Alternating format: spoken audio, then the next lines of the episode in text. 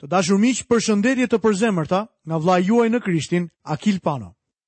Ju uroj mirëseardhje në emisionin e sotëm dhe ju ftoj që të qëndroni së bashku me mua përgjatë minutave të emisionit tonë. Sot do të vazhdojmë studimin tonë nga letra e parë e apostullit Pal drejtuar Korintasve.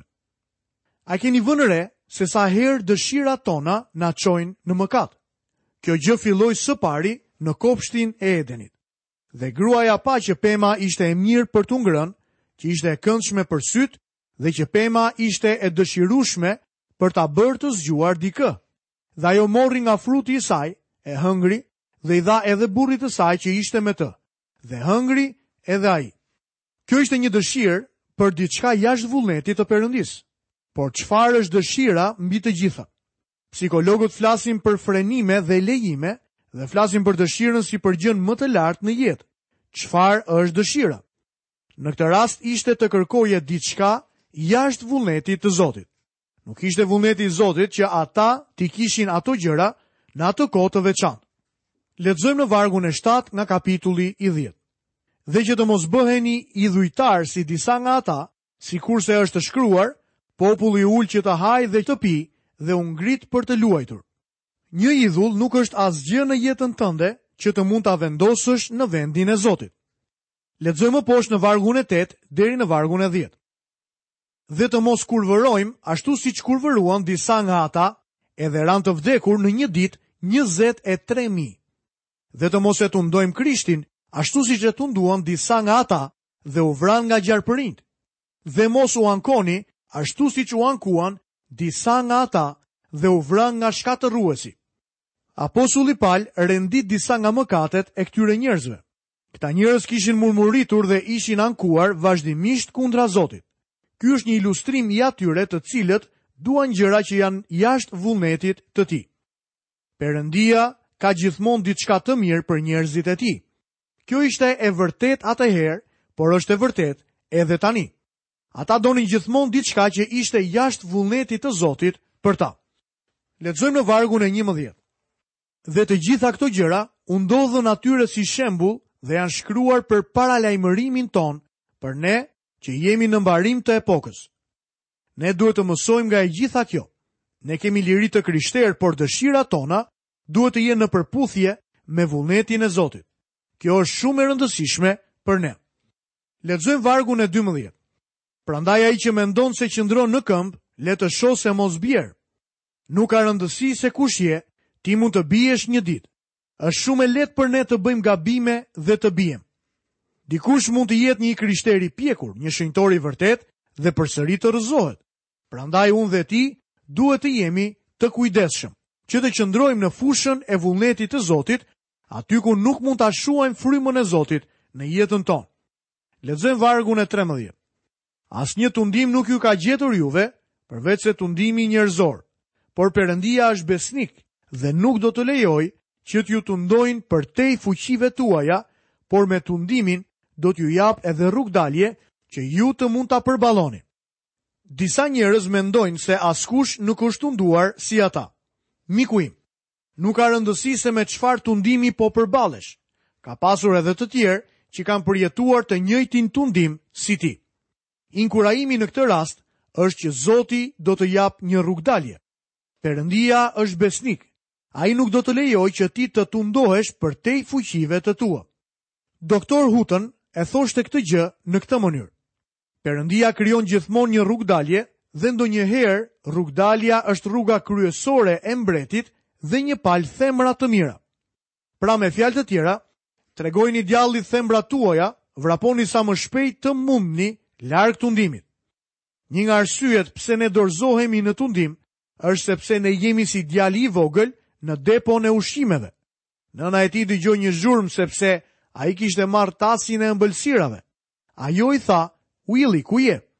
Ai u përgjigj që ishte në depon e ushqimeve. Nëna i tha, Çfarë je duke bërë aty? Djali u përgjigj, Po luftoj tundimin, miku im. Ai nuk është vendi për të luftuar tundimin. Ai është vendi prej të cilit ti duhet t'ia mbathësh. Lexojmë vargjet 14 dhe 15. Prandaj të dashurit e mi, largohuni nga idhujtaria, Po ju flas si të mënçur, gjykojini ju atë që them. Idhujtaria ishte një tundim i jashtëzakonshëm në Korint. Idhujtaria mund të mos jetë një tundim për ty, por Bibla na thotë se lakmia është idhujtari. Lakmia sot gjendet gjithandej. Apostulli do të na mësojë se miqësia në tryezën e Zotit kërkon ndarje. Lexojmë nga vargjet 16 deri 19. Kupa e bekimit që ne bekojmë, a nuk është vallë pjesëmarrje në gjakun e Krishtit? Buka që ne thyejmë, a nuk është vallë pjesëmarrje në trupin e Krishtit? Sepse ne të shumtit jemi një bukë, një trup, sepse të gjithë marrim pjesë në të vetmen bukë. Shikoni Izraelin sipas mishit. Ata që hanë flijimet, a nuk janë pjesëmarrës të altarit. Çfarë them pra? Se idhulli është diçka apo se ajo që u është flijuar idhujve është diçka? Argumenti i Palit është më se logjik. Ai thotë se një idhull nuk është asgjë. Kështu nëse do t'i ofrosh mish një idhulli, nuk ndodh asgjë. Mishi nuk dëmtohet aspak. Lexojmë vargun e 20. Jo, por them se gjërat që flijojnë johebrenjtë, ua flijojnë demonëve dhe jo Perëndisë. Tani unë nuk dua që ju të keni pjesë me demonët. Pali po flet ende për lirinë e krishterë. Edhe pse idhulli nuk është asgjë, prapa tij qëndron demonizmi. Pali apostull e pranon këtë gjë. Lexojmë vargun e 21. Ju nuk mund të pini kupën e Zotit dhe kupën e demonëve. Ju nuk mund të merrni pjesë në tryezën e Zotit dhe në tryezën e demonëve. Ngrënia e mishit ofruar idhujve mund të jetë për disa njerëz idhujtari. Një besimtar duhet të hetojë zemrën e tij me shumë kujdes. A jemi ne më të fortë se ai? Pali kthehet tek ajo çfarë tha në fillim të kësaj pjese për lirinë e krishterë. Lexojmë më poshtë vargun 23. Gjithçka më lejohet, por jo gjithçka është e dobishme. Gjithçka më lejohet, por jo çdo gjë ndërton. Pali po thotë se ai ka lirinë të bëjë të gjitha gjërat e diskutueshme për të cilat Bibla nuk thotë nëse janë të drejta apo të gabuara. Për shembull, unë mendoj se Pali do të thoshte, nëse dua që të shkoj tek lojërat olimpike, do shkoj. Mendoj që Pali duhet t'i ketë ndjekur ngjarjet e mëdha olimpike që zhvilloheshin në kohën e tij, sepse shumë nga ilustrimet e tij janë marrë nga ngjarjet atletike që zhvilloheshin në Koloseun e Madh dhe stadiumet e asaj kohe. Pali thotë se gjëra të tilla janë të lejushme për të, por jo të gjitha gjërat janë të dobishme për shkak të faktit se gjëja që ai mund të bëjë mund të lëndojë një besimtar të dobët. Ai tha, Gjithçka më lejohet, por jo çdo gjë ndërton. Kjo do të thotë që ato nuk më ndërtojnë në besim. Një predikues i ri më pyeti një herë, a mendon se një predikues duhet të shkojë në një ndeshje futbolli? Ai e dinte që unë nuk shkoja. Iu përgjigja, edhe pse më pëlqen pjesëmarrja në ngjarjet atletike, nuk kam qenë spektator tek asnjëra prej tyre. Nuk më pëlqen shumë të shoh dikë tjetër që luan futboll ose basketboll. sidomos kur ata që luajnë paguhen për të. Unë gjithmonë kam luajtur për qejf dhe jam kënaqur. Gjithsesi kur isha në shkollë, lexova një libër shumë të dobishëm që thoshte se një predikues duhet ta kufizojë jetën e tij në atë që mund ta përdorë në shërbesën e tij. Në atë çfarë shikon, ku shkon dhe çfarë përjeton, sepse shërbesa është gjithë jeta e tij. Gjithçka duhet të bluhet në këtë mulli. Me fjalë të tjera, një predikues duhet të nxjerrë në katedër të gjithë jetën e tij. Ai nuk duhet të ketë asnjë pjesë të fshehur dhe ta përdorë të gjithë. I thashë atij, nëse mund ta përdorësh lojën e basketbollit apo të futbollit, nuk do të kishte asgjë të gabuar të shkoje atje.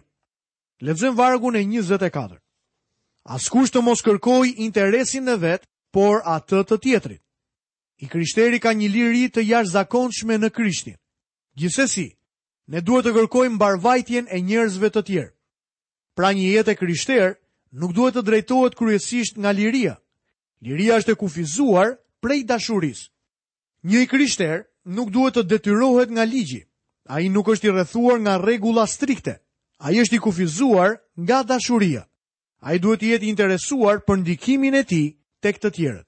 Këtë po thotë dhe apostulli tamam në këtë vend. Lexojmë më poshtë vargu 25 dhe 26. Hani çdo gjë që shitet te kasapi, pa bërë pyetje për shkak të ndërgjegjes. Sepse toka është e Zotit dhe gjithçka që ajo përmban. I krishteri mund të shijojë të gjitha gjërat që ka krijuar Perëndia, bukuritë dhe produktet e tyre. Zoti i ka krijuar ato. Pali jep tani një sugjerim shumë praktik. Ai thotë se kur dilni jashtë për të ngrënë, mos i thoni zotit të shtëpisë, ky qenka një biftek i mrekullueshëm, ku e ke marrë? Kasapi im nuk shet mish të tillë. Ndoshta miku juaj mund t'ju thotë se ka shkuar në tempull për ta blerë atë mish. Gjëja më e mirë që duhet bërë është të mos pyesësh se nga vjen mishi. Apostulli Pal tani jep një ilustrim shumë praktik. Lexojmë vargun e 27. Dhe në qoftë se ndonjë jobesimtar ju fton dhe ju doni të shkoni, hani çdo gjë që t'u vihet përpara, pa bërë pyetje dhe për shkak të ndërgjegjes. Nëse je i ftuar në shtëpinë e një jobesimtari, shko dhe ha gjithçka që të vendoset përpara. Mos bëj asnjë pyetje. Lexojmë vargun e 28. Por në qoftë se dikush ju thotë, kjo është nga flijim idhujsh, mos hani për atë që ju paralajmëroi dhe për shkak të ndërgjegjes, sepse toka është e Zotit dhe gjithçka që ajo përmban. Këtu përfshihet edhe një princip tjetër dhe kjo është një çështje krejtësisht e re. Pali këshilloi ata të hanin gjithçka dhe të mos bënin pyetje. Por, imagjinoni sikur dikush tjetër në tavolinë ju shikon duke ngrënë mish dhe thotë: "Ky mish i është ofruar idhujve." Në këtë rast, ju nuk duhet të hani mish jo sepse të hash është e gabuar, por sepse është më se e dukshme që mund të lëndojë personin që e tha këtë gjë.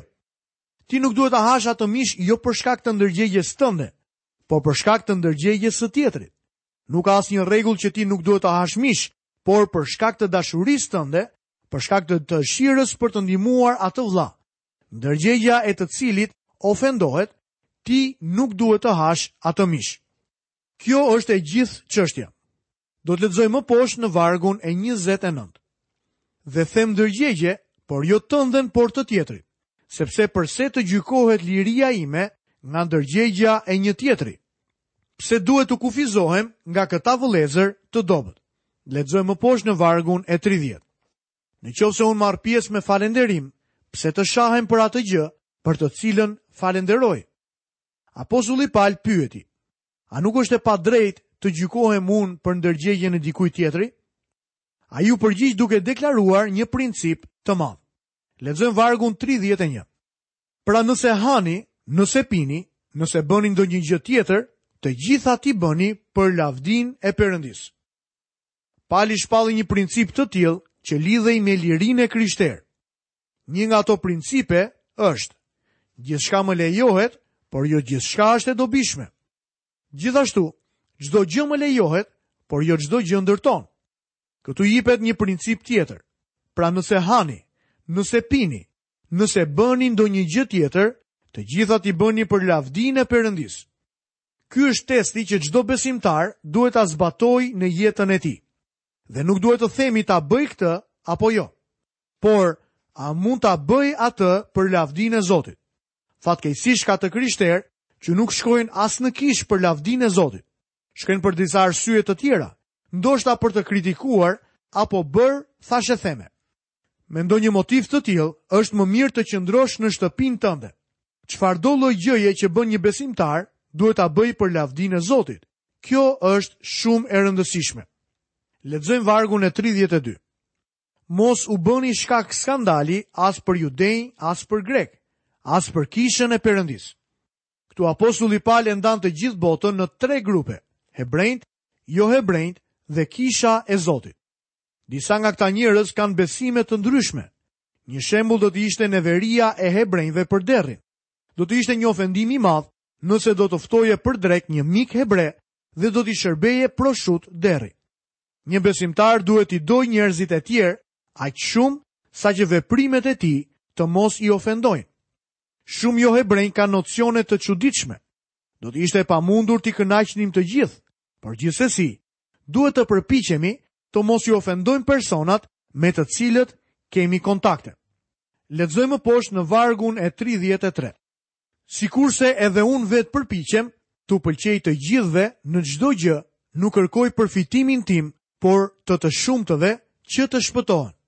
Së pari, ne duhet të bëjmë gjithçka për lavdinë e Zotit. Pra nëse hani, nëse pini, nëse bëni ndonjë gjë tjetër, të gjitha t'i bëni për lavdinë e Perëndisë.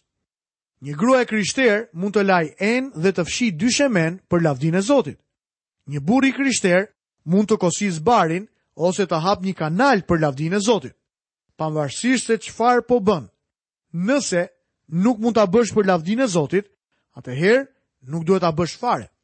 Ndërkohë që jetojmë në këtë mënyrë, jemi një dëshmi për botën, në mënyrë që ata që janë të humbur të mund të shpëtohen. Miq të dashur, është më e rëndësishme për ne që të lëmë gjurmë në botë se sa të shpërndajmë fletushka ungjillizimi. Më kujtohet historia e një burri që ishte shumë i zellshëm në shpërndarjen e fletushkave të tilla. Një ditë i dha një fletushkë një burri tjetër, por ai nuk e pranoi. Ai pyeti: "Çfarë është kjo?" Fletushkë, ishte përgjigja. Unë nuk mund ta lexoj, por do të shoh jetën tënde, gjurmët që lë ti në këtë botë. Gjurmët që lë dikush në këtë jetë janë më mbresëlënëse se gjithçka tjetër. Njerëzit lexojnë më mirë gjurmët tona në jetë sesa fletushkat që u japim atyre në dorë. Është mirë të shpërndash fletushka, materiale ungjillizimi për Zotin. Por bashkë me to, ne duhet t'i lëmë gjurmët e duhura në këtë jetë. Vargu i parë i kapitullit të njëmbëdhjetë i përket kësaj ndarje. Lexojmë në vargun e parë të kapitullit njëmbëdhjetë nga letra e parë e apostullit Pal drejtuar Korintasve. Më imitoni mua, ashtu siç unë jam imitues i Krishtit. Kjo është diçka që shumë pak prej nesh mund ta thonë. Nuk do t'ju përfshija ju, por është diçka që unë vetë nuk guxoj ta them. Dua që ju të jeni një ndjekës i devotshëm i Krishtit dhe një ndjekës i apostullit Pal, por mos më ndiqni mua në çdo gjë. Çfarë dëshmie të mrekullueshme që jep apostulli Pal në këtë deklaratë. Të dashur miq, këtu kemi mbërritur në fundin e emisionit të sotëm. Ju falenderoj që keni qëndruar së bashku me mua përgjatë minutave të këtij emisioni. Ju kujtoj që në emisionin e ardhshëm do të vazhdojmë studimin tonë sërish nga kapitulli i 11 në letrën e parë të apostullit Pal drejtuar Korintasve. Deri atëherë nga vëllai juaj në Krishtin Akil Pano, Paçi të gjitha bekimet e Perëndisë dhe paqen e Tij në jetën tuaj. Bashkë mirudëgjofshim në emisionin e ardhshëm.